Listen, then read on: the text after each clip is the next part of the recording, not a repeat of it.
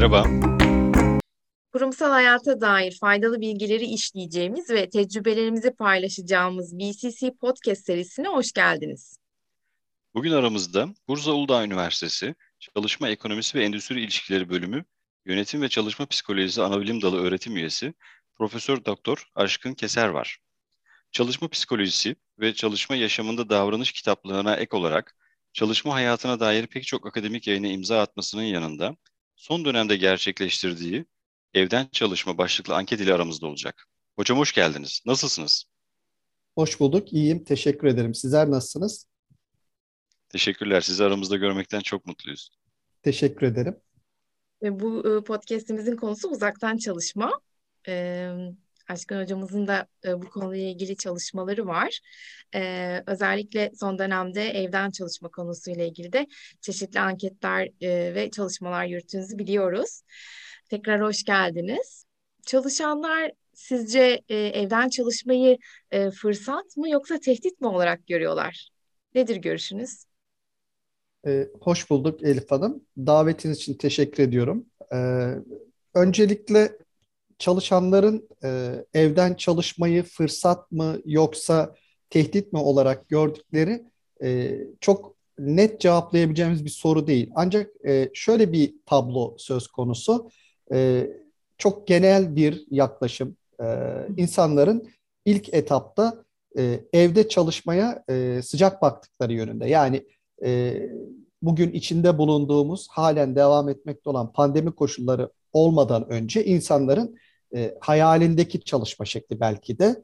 Dolayısıyla evet. hep istekleri, arzuları evden çalışma. Fakat e, sizin sorunuzda fırsat mı, tehdit mi şeklinde baktığımızda ilk etapta bunu fırsat gibi, e, arzu edilen bir durum gibi e, algıladıklarını görüyoruz. Fakat zaman geçtikçe pandemi sürecinin e, içinde yaşadığımız zoraki kapanmanın da etkisiyle bu sürecin öyle çok da e, istendiği, hayal edildiği gibi bir süreç olmadığını görüyoruz. Zaman içinde bir takım e, kırılmalar var, bir takım e, belki zorlanmalar var. Bu nedenle e, ilk etaptaki hevesin zamanla kaçtığını söyleyebiliriz. Hı hı. Burada e, ilk etaptaki hevesi etkileyen, motivasyonu etkileyen unsurlardan e, bir tanesi olarak evlerin durumunu sayabilir miyiz hocam? Yani ben e, yalnız yaşıyorum ve e, evden çalıştığım zaman hani konforumda bir değişiklik olmuyor. Ama etrafımdaki arkadaşlarıma baktığımda ilgili odası olmayanlar, çoluk çocuk sahibi olanların falan zaman zaman şikayetçi olduğunu e, gözlemliyorum. Bu konuda sizin görüşünüz nedir? Sizin edindiğiniz izlenimler nedir? Emrah Bey çok haklısınız. Aslında bu zaman içindeki kırılmayı, zaman içindeki e, karar değişikliğini etkileyen önemli unsurlardan bir tanesi e, evdeki çalışma ortamının e, sunduğu e, belki dezavantajlar diyebiliriz. E, kısmen dezavantaj diyebiliriz. Kısmen e, belki çalışanları zorlayan farklı faktörler diyebiliriz. Ben dilerseniz bu sorunuzu e, anketteki yaptığımız araştırmadaki e, çıktılarla ilgili bir örnekle e, biraz detaylandırayım. Mesela e, bizim e, araştırmamızda e, çalışanların evden çalışma esnasında en çok zorlandıkları ya da sorun olarak gördükleri konular nelerdir şeklinde bir soru vardı.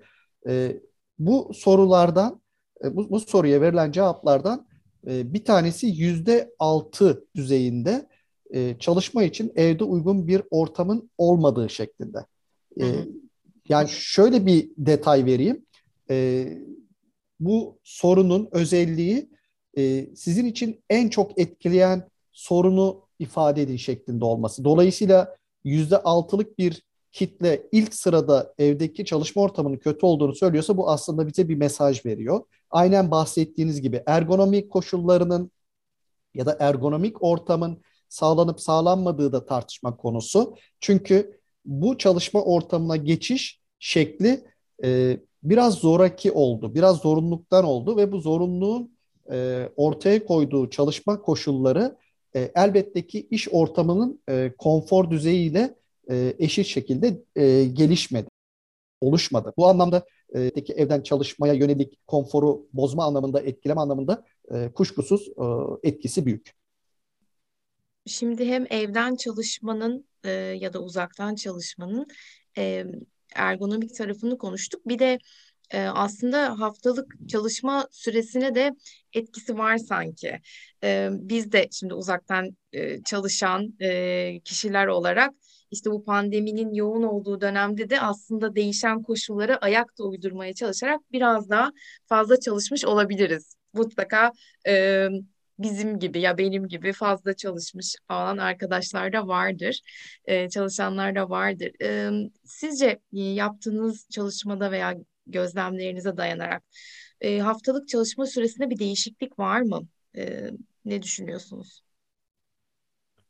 Elif Hanım bu konu e, sadece bizim ülkemiz açısından değil tüm dünyadaki örnekleri açısından çok tartışmalı bir konu. E, özellikle e, burada haftalık çalışma sürelerinin artışının bariz bir şekilde ortaya çıktığı ve bu konuda çalışma hukuku, iş hukuku açısından da önlemler alınması gerektiği yönde ciddi eğilimler var. Bu konuda literatüre son zamanlarda girmiş bir kavram var. Bağlantı kesme hakkı olarak da geçmekte. Dolayısıyla e, Avrupa Birliği ülkeleriyle birlikte bazı e, diğer ülkelerde e, ciddi anlamda alınmış kararlar var. Nedir bağlantı kesme hakkı? E, burada e, işveren ile işçinin e, çalışma saatini nasıl e, bir e, ofis ortamında ya da bir fabrika ortamında e, çalışma saatleri belirli bir saat dilimi içerisinde belirlenmişse aynı zamanda evde çalışma yapıldığında da belli çalışma saatlerinin e, iki taraf e, arasında uzlaşmaya varılıp onun dışındaki zamanda örneğin akşam 7'de 8'de işveren tarafından herhangi bir şekilde bir e-posta, herhangi bir şekilde bir e, değişik iletişim kanallarıyla bir görev ya da iş vermeme konusunda bir yasal e, düzenleme yapıldı. Dolayısıyla bu anlamda bu şunu gösteriyor. Demek ki e, insanların evde çalışıyor olmaları e, belki de yöneticiler tarafından ya da işverenler tarafından esnek bir şekilde her an iş yapabilen bir e, çalışan profilini aslında akla getiriyor. Bunu da önlemek adına e, bildiğiniz üzere e, batılı ülkelerde e, ve Avrupa Birliği üyesi ülkelerde biraz daha e, iş hukuku e, anlamında e, rigid, keskin e, uygulamalar oluyor. Bu anlamda bizim ülkemizde de hani buna ilişkin bir takım kararlar e, alınmaya çalışılıyor. E, dolayısıyla benim düşüncem e, bu noktada haftalık çalışma süresinde ciddi bir e, fazlalık oluştu. E, hı hı. Ve bu fazlalıkta e, belki de e, bahsettiğimiz türdeki e, hukuki düzenlemelerle e, belki de e, normalleşme sürecine getirilebilir. Hatta şey diyecektim, bazı firmalar işte bu fazla çalışma durumundan dolayı e, çalışma günlerini veya çalışma sürelerini biraz daha azaltmaya karar verdiler. Özellikle yurt dışındaki e, akım bu yönde ve e, Türkiye'de de görüyoruz dört gün çalışma şeklinde.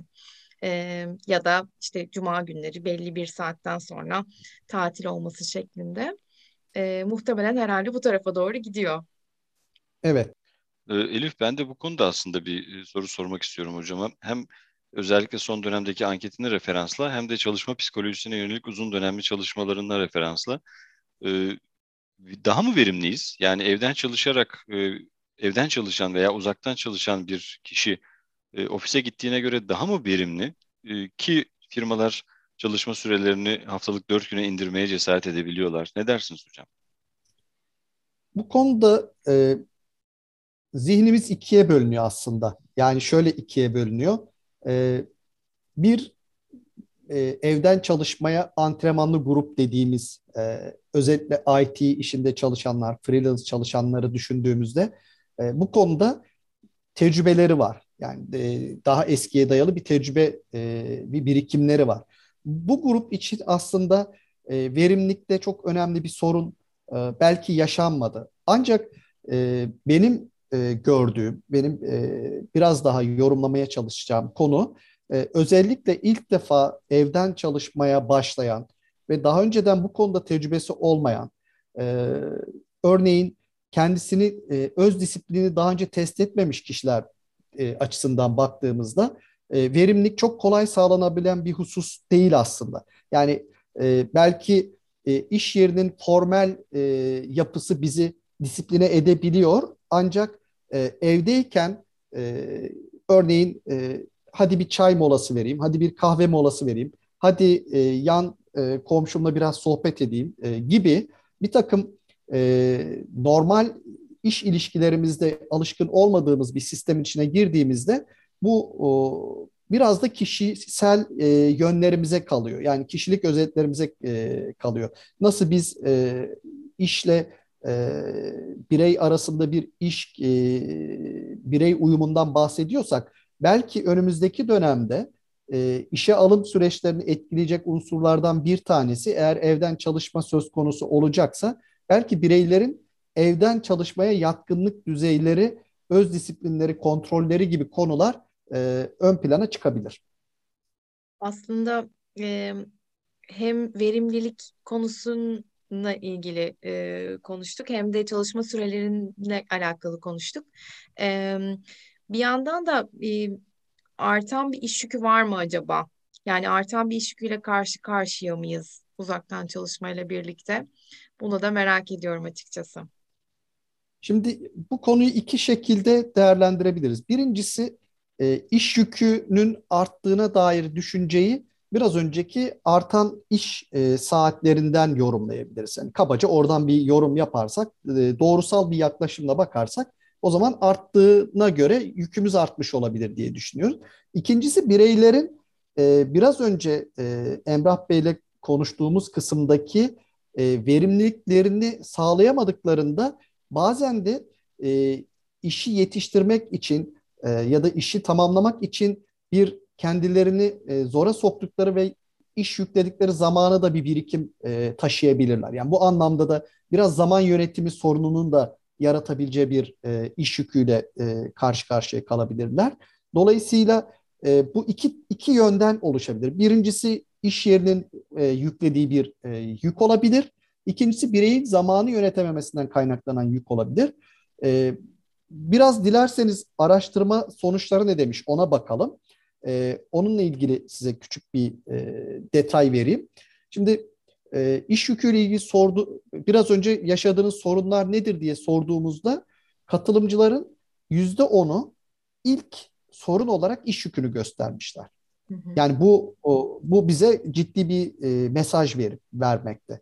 İkincisi e, yine yaşadığınız ana sorun nedir diye sorduğumuzda yüzde dört buçuğu şöyle bir cevap vermiş. Tüm gün evde çalıştıktan sonra gün sonunda yorgun düşüyorum. Şimdi tabii bu yorgun düşmeyi biraz iş yüküyle de ilişkilendirebiliriz. Yani böyle bir e, tabloyu birleştirdiğimizde e, yaklaşık yüzde on beşi ilk sorun olarak e, gün içinde yaşadıkları yoğunluğu anlatmak istiyor. Dolayısıyla bu da e, hani maalesef evden çalışma ile ilgili e, dilerseniz birazdan değiniriz. E, eğilimin ne olacağı konusuna. Zaten e, bu tür sıkıntılar e, biraz önce bahsettiğim e, evden çalışmanın böyle çok istenen, arzu edilen, hayal edilen e, bir tablonun e, nihai olarak geldiğimiz aşamada çok da öyle olmadığını göstermekte. Hı hı. Ee, izninizle ben konuyu bu verimlilik iş yükünden biraz daha e, bireysel psikolojik etkilere yönlendirmek istiyorum. E, evden pek çoğumuz e, evden çalıştığımızda e, yalnız e, oluyoruz evimizde veya yalnız yaşayanlar daha da yalnızlaşıyor. En azından bireysel tecrübem o yönde. Sizin de bu konuda çalışmanız var. Siz ne dersiniz hocam? Evden çalışmak yalnızlaştırıyor mu? Şimdi biz özellikle evden çalışma konusunu öğrencilerimize de paylaşırken, tartışırken çalışmanın anlamı kavramıyla açıklamaya çalışıyoruz biraz. Şimdi çalışmanın anlamını e, tartıştığımız zaman çalışmanın birey açısından önemli kazanımlarından bir tanesinin sosyalleşme olduğundan bahsederiz. Yani insanlar niçin çalışırlar sorusunun belki de e, cevaplarından birisi sosyalleşme katkısıdır. Şimdi evden çalışmaya geçtiğimiz andan itibaren e, elbette ki eğer aile ortamında yaşıyorsak belki direkt olarak yalnız kalmıyoruz. Ancak e, buradaki yalnızlık iş ortamının e, sağladığı sinerji dediğimiz, o katma değer dediğimiz, birlikte düşünmek, birlikte konuşmak, birlikte karar vermek dediğimiz süreçleri ötelediğimiz anlamına geliyor. Yani biz her iki anlamda da yalnızlaşmaktayız. Birincisi e, gerçekten evde yalnız kalabiliriz. İkincisi işi yaparken çok yalnız kalabiliyoruz. Yani bu e, özellikle e, pek çok e, işi e, takım çalışmasıyla, e, ekip ruhuyla yaptığımızı kastettiğimiz zaman bu psikolojik ortamda kaybediyoruz. E, biz derslerimizde şunu da anlatırız öğrencilerimizle konuştuğumuzda. Deriz ki insanların gündelik çalışma yaşamındaki e, ilişkileri çalışma dışı yaşama taşar ve orada insanlar dostluklarını oluştururlar e, ve insanlar sosyalleşme ihtiyaçlarını giderirler.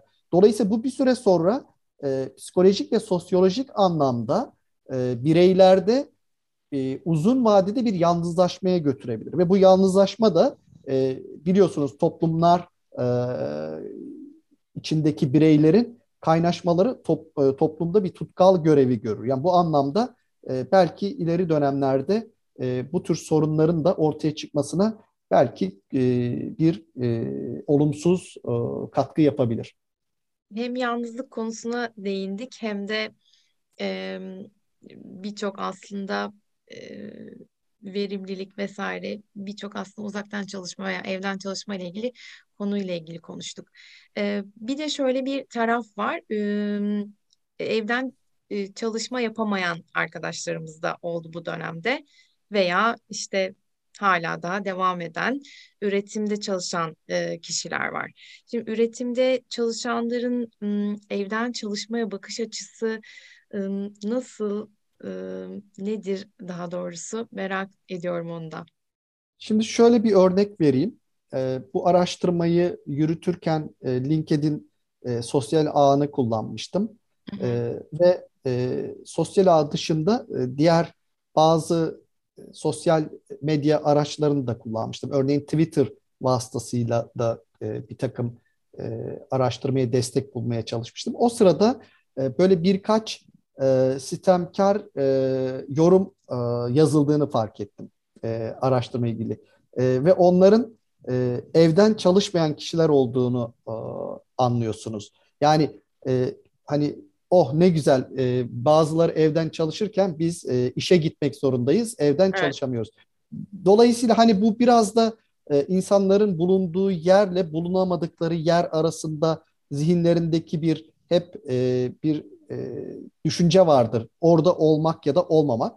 Biraz öyle gibi gözükmekte. Sanki e, evden çalışmayanlar, e, çalışamayanlar diyelim. Evden çalışanları biraz daha şanslı görmekteler. Ama hani bu nereden baktığınızla da alakalı oluyor Elif Hanım çoğunlukla. Ee, eğer e, sahip olduklarımızla olmadıklarımızı sürekli kıyaslarız.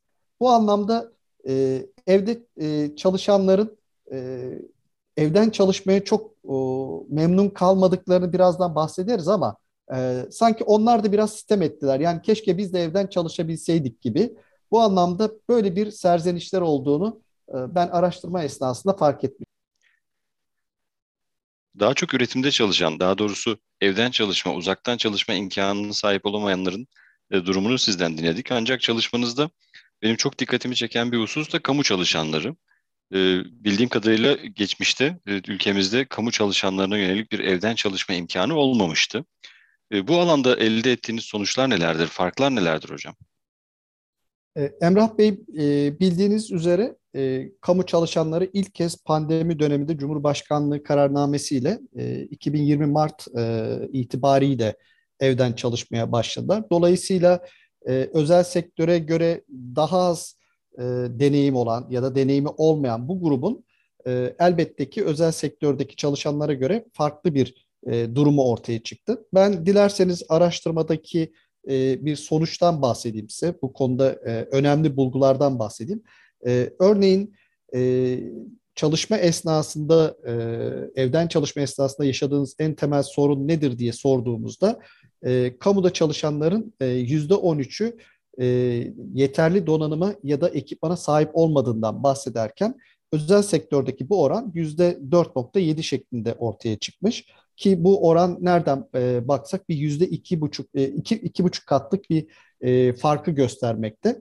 Dolayısıyla bu açıdan e, önemli bir şekilde belki özel sektör e, finansal esnekliğiyle ya da e, esnek e, yapısıyla buradaki çalışanların e, donanım ve ekipman sorununu çözerken kamu sektöründeki çalışanların e, bu durumla e, ciddi anlamda e, bir sorunla karşı karşıya kaldığını görmekteyiz. E, bir diğer kamu sektörüyle özel sektör arasında e, araştırmada yakaladığımız e, fark e, belki ciddi farklardan bir tanesi biraz önce değindiğimiz artan iş yükü konusu ile boğuşma maddesi. Burada da özel sektör çalışanlarının %13.6'sı e, temel sorun olarak, ilk sorun olarak iş yükünü gösterirken kamu sektöründe çalışanların %7.4'ü e, iş yükünü göstermiş. Bu noktada belki de e, bu denli farkın oluşmasında e, özel sektörün e, çalışanlardan beklentilerinin yüksek olması, e, kamu sektöründeki çalışmanın ise evden çalışmaya ilk defa geçmesiyle birlikte e, yeterli tecrübeye sahip olmamasından dolayı verimliliğin de belki e, oluşmaması, dolayısıyla iş yükünde oluşmaması şeklinde olabilir. Bu iki e, temel farkı kamu sektörüyle özel sektör arasındaki fark olarak söyleyebiliriz. Bu süreçte e, özellikle işte yine pandemide daha doğrusu ben de uzaktan çalışan biri ve özellikle anne, uzaktan çalışan bir anne olarak bayağı zorlandığımı söyleyebilirim. Sizin çalışmanızda da dikkatimi çeken bir konu vardı.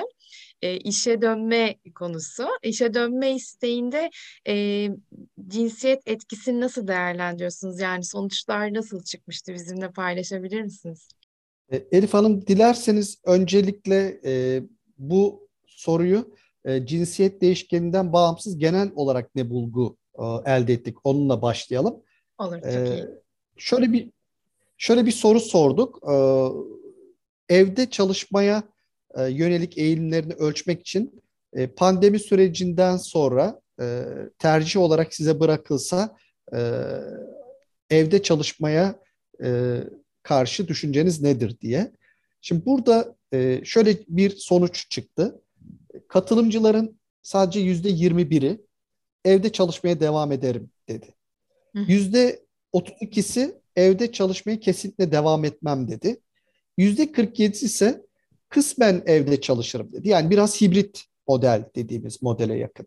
Şimdi bu o, dağılım biraz önce e, yayının başında konuştuğumuz e, tartışmaya götürmekte bizi aslında hani e, beklenti yönde? E, herkesin evden çalışmaya devam edecek. Halbuki sadece ve sadece evden çalışırım çalışırım diyenlerin oranı yüzde 21 e, çıktı. Bu biraz şaşırtıcı bir sonuç e, oldu bizim için. E, bu noktada biraz da sizin e, bahsettiğiniz cinsiyet değişkeniyle e, bulgular nasıl ortaya çıktı? E, burada cinsiyete göre dağılıma baktığımızda e, evde çalışmaya e, kısmen devam ederim diyenler yani hibrit çalışmayı devam eder ederim diyenler yüzde 47 çıkmıştı. Bunu cinsiyet açısından değerlendirelim nasıl çıktı diye baktığımızda e, burada ilginç bir şey çıktı. Yüzde 57'si e, evden kısmen çalışırım diyenlerin erkek çalışanlar. Yüzde 43'ü kadın çalışanlar. Hı hı. Evden çalışmaya devam edeceğim diyenlerin yüzde 50'si erkek, yüzde 48'i kadın çalışanlar. Şimdi e, hani biraz roller değişmiş gibi gözükmekte. Hani kadınların evden kaçma, erkeklerin de evde e, biraz daha sanki e, yer alma merakı oluşmuş. E, böyle bir tablo çıktı karşımıza. Biraz işin açıkçası hani beklediğimiz bir tablo değildi. E, bu anlamda e, sizin de yorumlayabileceğiniz belki bir e, yönü olabilir. E, dolayısıyla biraz da e, kadınlar e, erkeklere oranla evde kalmaya daha az istekli diye de ben bir yorum ekledim buna. Hı hı. Belki de bu sayede çalışma hayatına katılan kadınlarımızın sayısı da artar. Bu motivasyon belki de bulaşıcıdır herkese. evet olabilir, evet olabilir. Yani bu e, aslında e, kadınların e, hani bizim iş gücü piyasalarında e, derslerimizde iş gücü konusunu tartışırken kadınların e, iş gücüne katılmalarının öneminden bahsederiz. Kadın çalışanların e, iş gücündeki oranın yükselmesinden bahsederiz. Bu noktada aslında kadın çalışanlar evden çalışmaya geçerek bir bakıma hani o korkulan hani iş hayatında yer almama dediğimiz belki e, tabloyu belki farklı bir şekilde test ettiler. Onun da etkisi olabilir. Yani evdeki ikili rol dediğimiz e, annelik, eş olma, e, kadının e, bizim toplumumuzdaki biraz daha e, erkek e, bireylere göre fazla rol üstlenmesinden dolayı e, kadınların evdeki çalışma ortamından e, uzak kalmayı tercih etmelerini bu şekilde yorumlayabiliriz. Ancak erkeklerin evde çalışmaya yönelik e, isteklerini ise herhalde farklı bir şekilde yorumlamak lazım. Orada daha farklı bir yorum yapılabilir. Ben burada aslında Almanya'dan da bir küçük rakam paylaşmak istiyorum. Statista.com sitesinin paylaştığı bir değer bu. Benim çok ilgimi çekmişti. 17 Mart tarihli. E, Almanya'da e, pandemi sonrasında evden çalışmaya devam etmek isteyenlerin oranının %48'de kaldığını gördük. Hep üzerinde konuştuğumuz evden çalışmanın menfaatleri veya güzellikleri yanında e, sanırım zorlukları da artık e, daha da ön plana çıkmaya başlayınca e, çalışanlar, insanlar e, çoklukla ya geri mi dönsek eğilimine girmeye başladılar. Fakat hani hep konuştuğumuz e, böyle bir imkana sahip olmak, pandeminin bizi zorladığı bir e, iki seneyi yaşamış olmak çalışma hayatını baştan aşağı etkileyecek gibi gözüküyor. Sizin e, çalışma hayatının geleceğine yönelik projeksiyonunuz nedir? Uzun vadeli bakışınızı al- alabilir miyiz bu konuda? Emrah Bey zannedersem Almanya örneğini verdiniz. Türkiye'de de benzer durumlar evet. konusu. E, zannedersem e, bizler birey olarak e, bir takım özgürlüklere, bir takım serbestliklere, esnekliklere sahip olmaktan mutlu olabiliyoruz. Bu bizim doğamız gereği e, var olan bir durum. E, ancak bu eğer çok katılaştığında, çok rigidleştiğinde bizlerde bir e, olumsuzluğa yol açabiliyor. Zannedersem e, evden çalışma dönemine ilişkin e, önümüzdeki dönemde tekrar araştırmayı e, güncellesek ve bu çalışmayı araştırmanın yapıldığı pandemi dönemindeki gibi zoraki çalışma şeklinde olmayan bir dönemde tekrar gerçekleştirirsek sonuçlar farklı çıkabilir. Ancak şu bir gerçek, pandeminin ortaya çıkarttığı bir gerçek. Ee, önümüzdeki dönemde e, yeni normal olarak da ifade edilmeye başlanan e, uzaktan çalışma, esnek çalışma, evden çalışma e, ciddi anlamda e, gündemde olacak. Hatta bu o, bahsedilen e, olumsuz sonuçlarına rağmen e, hiç de küçük olmayan bir oranda yüzde 47'lik araştırma sonucumuz onu göstermekte. Yüzde 47'lik bir grup e, hibrit çalışmayı e, tercih etmekte. Bu da şu anlama geliyor. Biraz önce konuştuğumuz noktaya dönüyoruz. İnsanlar mutlak anlamda evde çalışın denildiğinde bundan belki mutlu olmuyorlar. Ancak önümüzdeki dönemde işletmeler muhtemelen bir takım e, yeni uygulamalarla, hibrit e, çalışma dediğimiz uygulamalarla, örneğin haftanın belirli gününde işe gidildiği ve e, bahsettiğimiz sosyal izolasyon, yalnızlık ya da e, sinerji yaratma dediğimiz süreçleri yaşamak için bir takım alternatif uygulamalara geçeceğini söyleyebiliriz. Dolayısıyla yakın gelecekte evden çalışma, uzaktan çalışmanın yeni normale e, evrileceğini söyleyebiliriz.